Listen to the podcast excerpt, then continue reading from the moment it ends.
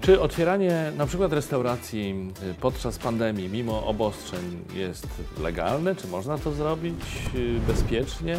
Przyjmować mandaty, czy nie przyjmować mandaty? Dlaczego rząd nie wprowadza stanu wyjątkowego? O tym między innymi będę rozmawiał z poznańskim prawnikiem, z mecenasem Piotrem Walczakiem. Dzień dobry, panie mecenasie. Dzień dobry, panie redaktorze. Pan na co dzień wspiera przedsiębiorców, więc pan na pewno dużo wie o biznesie, stąd też y, zaproszenie do, do tej rozmowy.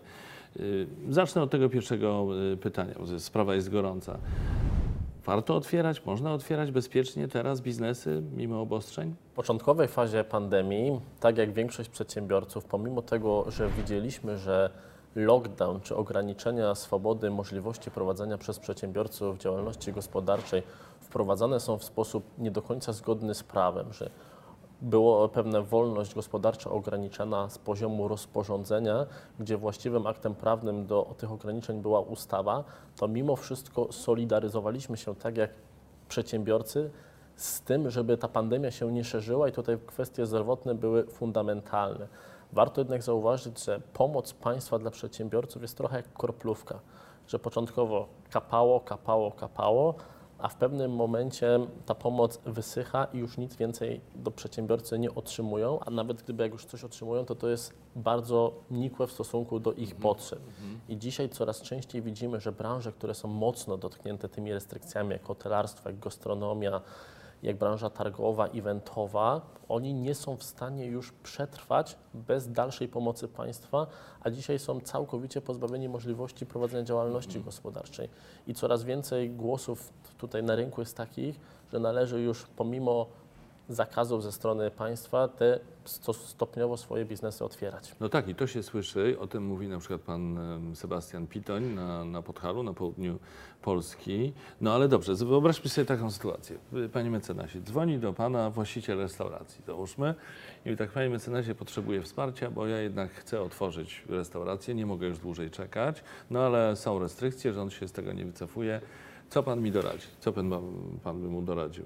Co zrobić? Ten temat jest złożony i trudny, dlatego że po wyroku sądu administracyjnego w Opolu, który de facto jest pewną zachętą dla przedsiębiorców do tego, żeby się otwierać, bo ludzie systematycznie widzą, że nawet kara, warto zauważyć, że ta kara, która jest przez Sanepid nakładana, jest- ona jest do 30 tysięcy złotych, ale pewien problem polega na tym, że ona po 7 dniach już jest wymagalna i z takiej osoby aparat państwa z całą swoją mocą te należności egzekwuje i bardzo dużo osób nie stać na to, żeby jednorazowo dostać karę. Ta kara, co ważne, ona może być, ona może być na- ponowiona po kilku dniach nawet. Może być za dwa dni przyjść kolejny raz i znowu przedsiębiorca taki, może nawet w tym momencie to już jest 60 tysięcy złotych. No nie brzmi to dobrze. I perspektywa tego, że te należności przedsiębiorca odzyska po wyroku, który postępowanie może trwać kilka czy kilkanaście Perspektywa jest miesięcy, odległa po jest, prostu. perspektywa jest bardzo odległa, dlatego nie ma jednoznacznej odpowiedzi takiej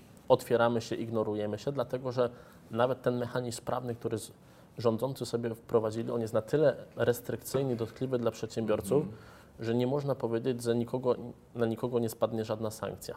Być może w dalszej perspektywie czasowej można sobie te sankcje uchylić, ale to jest, tak jak powiedzieliśmy, odległa Czyli raczej Pana odpowiedź by brzmiała, mm, odradzałbym? raczej bym odradzał, ewentualnie próbowałbym znaleźć taki mechanizm, tak jak coraz więcej restauracji w sposób taki dość sprytny pewne obostrzenia obchodzi. Nie mówimy tutaj o falandyzacji prawa, mówimy raczej o maksymalnym wykorzystywaniu pewnych Co Pan ma na myśli, Panie mecenasie? Czy to, co Pan mówi teraz ma coś wspólnego z takim działaniem undergroundowym niektórych miejsc? O czym się W słyszy? pewnym sensie tak, jest coraz więcej restauracji, do której się przychodzi, zamawia się określony produkt, dopłaca się 15, 20 czy 30 zł tytułem najmu powierzchni biurowej i oczywiście potem tę, tą kwotę można wykorzystać w postaci vouchera na posiłek. Tak, tak ja, ja to znam i to jest zgodne z prawem. Tak można robić, tak? Gdyby tam przyszedł Sanepid, to nie Oczywiście miałby nic do powiedzenia. Sanepid też interpretuje w sposób trochę pod siebie te działania takiego przedsiębiorcy. Zdaniem najczęściej pracowników Sanepidu to jest obchodzenie prawa i oni uważają, że taki biznes jest niemożliwy w, tej, w tym momencie czasowym. Daje dodatkowe argumenty. No dobrze, ale inaczej mówiąc, Panie yy, mecenasie, nałożyłby ten sa- Sanepid karę w takiej sytuacji tych 30 tysięcy albo jakąś inną, czy by nie nałożył? w sytuacji takiej, gdy, gdyby faktycznie tutaj miało najem pewnej powierzchni, ktoś by pracował, wyjąłby laptopa, byłby faktycznie w pracy, po prostu korzystałby z powierzchni biurowej, w tym momencie nie byłoby podstaw do nałożenia takiej kary, aczkolwiek ja nie jestem w stanie zakładać, co siedzi w głowie konkretnego urzędnika, bo to ten urzędnik przychodzi, ten urzędnik No tak. zakłada tą karę. No tak. Co z mandatami w końcu? Realizujemy tę rozmowę 19 stycznia 2021 roku.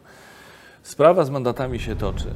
Na jakim jesteśmy etapie w tej chwili? Mówimy w ogóle o mandatach, no bo rząd ma taki pomysł, żebyśmy nie mogli odmówić przyjęcia mandatu. To, no to tu mówimy o projekcie, który wiąże się z nowelizacją kodeksu postępowania w sprawach wykroczenia. Faktycznie jest taki projekt, bardzo niedobry projekt, który polega na tym, że obywatel nie będzie mógł odmówić przyjęcia mandatu. W tym momencie na każdego takiego obywatela mandat jest nałożony. Po siedmiu dniach ten mandat staje się wymagalny i znowu tutaj państwo może z takiej osoby, która nie zapłaciła tego mandatu egzekwować. Oczywiście projekt jest bardzo zły, bardzo niedobry, bo ogranicza podstawowe, fundamentalne prawo obywatela do obrony, do niewinności, dlatego że to, to, to są już prawa, które zostały wprowadzane deklaracją y, instytucji ONZ-owskich, deklaracją Rady Europy pod koniec lat 40. i jest to jedna z Biblia, kanon takich swobód obywatelskich i naruszenie tego jest absolutnie nieakceptowalne także z perspektywy postanowień Konstytucji. Warto tutaj zauważyć, że taki obywatel, który ma 7 dni na odwołanie się od tego mandatu, co w sytuacji tak, jak on to ma zrobić, dostaje mandat drogowy w drodze, jak jedzie przykładowo na lotnisko Schönefeld do Berlina, gdzie jedzie na dwutygodniowe wakacje. Osoba taka przy, musi, ten, musi w ciągu 7 dni napisać odwołanie. Po pierwsze, to odwołanie wiąże się z odpowiednim sformalizowanym procesem i ciężko osobie, która nie jest prawnikiem, sformułować takie odwołanie. Warto zwrócić jeszcze uwagę na takiego pewnego takiego wątku ekonomicznego.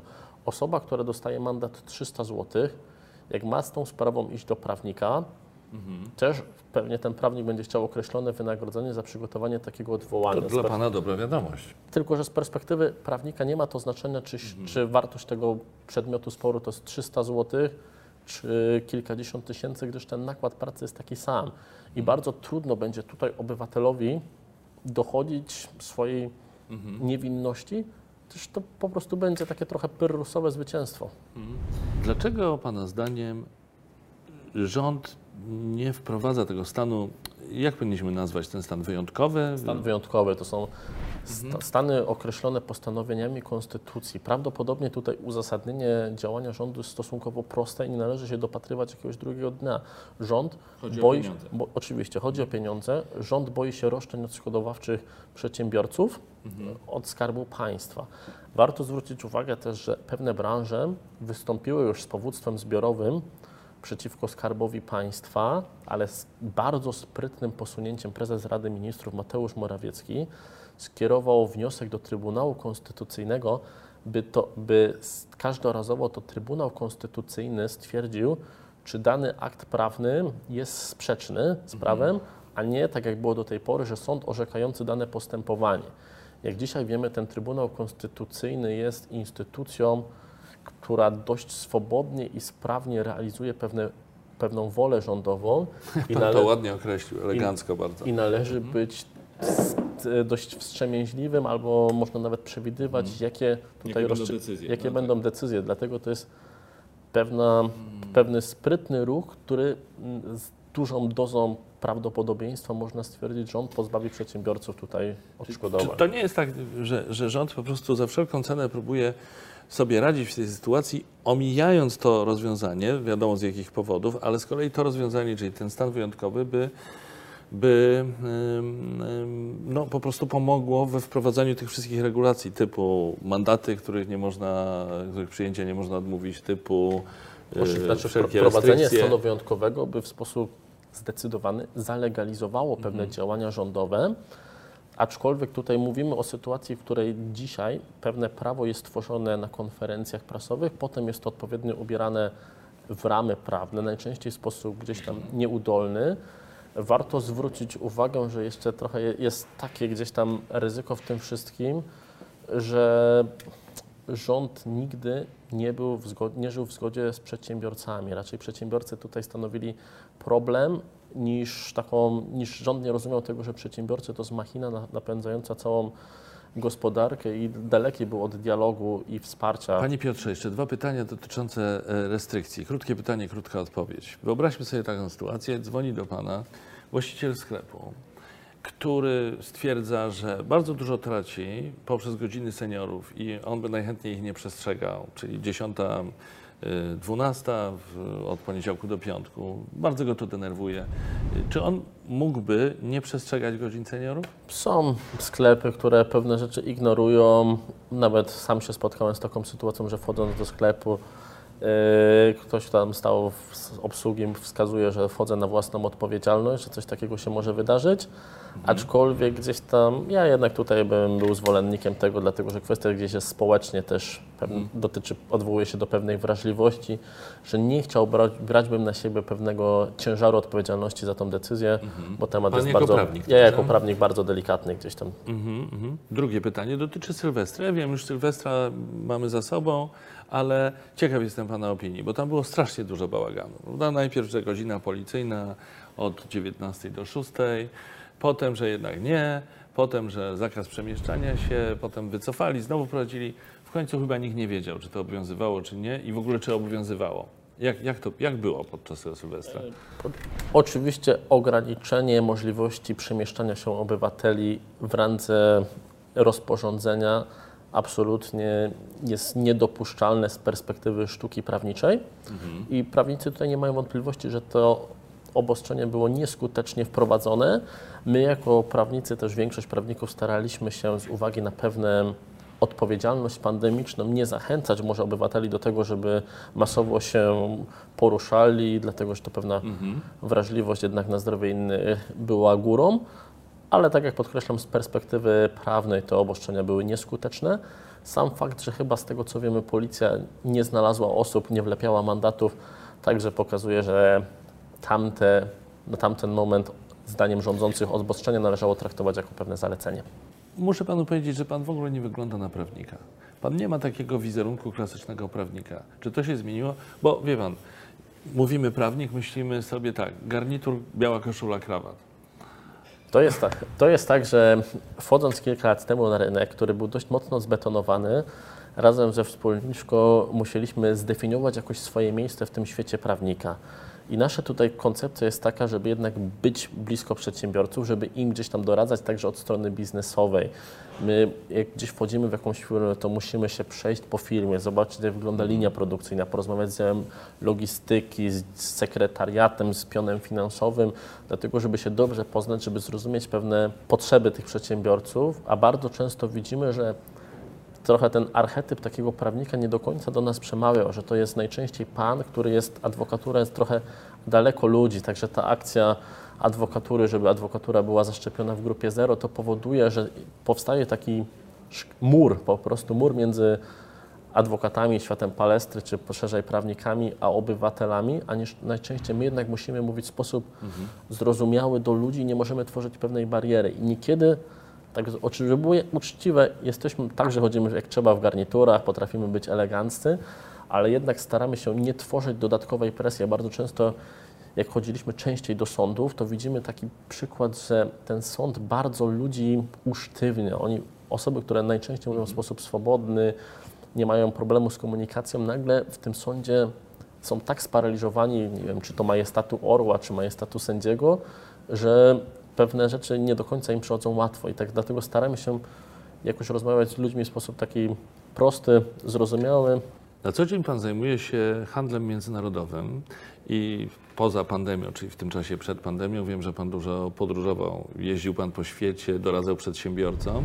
Jak wyglądało pana życie? Wyglądało tak, że zdarzało się być kilka, czasem kilkanaście razy w krótkim czasie gdzieś tam w samolocie, lecieć z jednego miejsca na drugie miejsce, dlatego że my jako kancelaria jesteśmy zwolennikiem tego, że nie da się, zwłaszcza w różnych kręgach kulturowych, pewnych rozmów, negocjacji, dobrnięcia do zawarcia umowy przeprowadzić w sposób zdalny, dlatego że należy poznać kulturę, z tymi ludźmi spędzić kilka dni, zobaczyć jakie oni mają rytuały, czasem to są bardzo też odmienne kultury y, prawne, kultury potem redakcji tej umowy, dlatego że jak się mamy, przykładowo, mamy jednych kontrahentów z Polski, drugich mamy, nie wiem, przyjmujemy na to z Indii, to nie ma lepszego miejsca niż na przykład wybrać, żeby spotkać się, spotkać się w powie drogi w Dubaju. Dlatego, że jak dwie strony już przylecą na te rozmowy, najczęściej wtedy zamykamy się tak długo, dopóki w kilka dni oczywiście negocjujemy, bo wtedy to jest najszybszy sposób zawarcia i nawiązania współpracy. Gdybyśmy się Gdybyśmy się także wymieniali mailami, to mogłoby trwać rok, pół roku i byśmy tego etapu nie zawarli. Warto też pamiętać, jak są kwestie sporne, to jest coś takiego, że dużo łatwiej komuś rozłączyć Skype'a czy Zooma, niż jak ktoś przejedzie pół świata czy pół Europy w miejscu określone, wtedy jest to ciśnienie na to, żeby znaleźć jakąś wspólną płaszczyznę dużo większe niż, niż w internecie.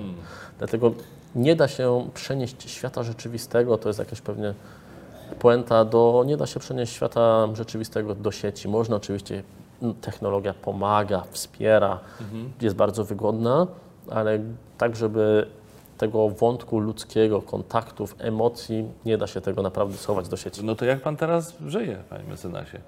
Bez Oczywiście Bez tego jeżdżenia. w pierwszej kolejności czeka, czekamy jak na zbawienie trochę na szczepionkę, dlatego że szczepionka dzisiaj będzie paszportem i przepustką do tego, żeby móc swobodnie znowu wrócić do samolotów, zwrócić świat. Dwa, no pewne rzeczy jednak em, no, oczywiście, że zastąpiły wideokonferencje, inst- środki porozumiewania się tutaj na odległość, aczkolwiek z perspektywy tych klientów, których tutaj mamy, widzimy, że dużo łatwiej wątków byłoby rozwiązać, gdybyśmy mogli pojechać na miejsce, zobaczyć jak nie wiem, jakiś określony produkt, budowa, coś funkcjonuje albo nie funkcjonuje, dlaczego nie funkcjonuje, gdyby mogli jeździć e, se- serwisanci, w zależności od tutaj od sposobu i, i formy działalności firmy, ta otwartość świata zdecydowanie by rozwiązanie pewnych problemów albo umożliwiła, a przynajmniej niektórych też przyspieszyła. Dziękuję panu bardzo za rozmowę, panie mecenasie. Rozmawiałem z mecenasem e, Piotrem Walczakiem, e, poznańskim prawnikiem, który specjalizuje się we wspieraniu przedsiębiorców.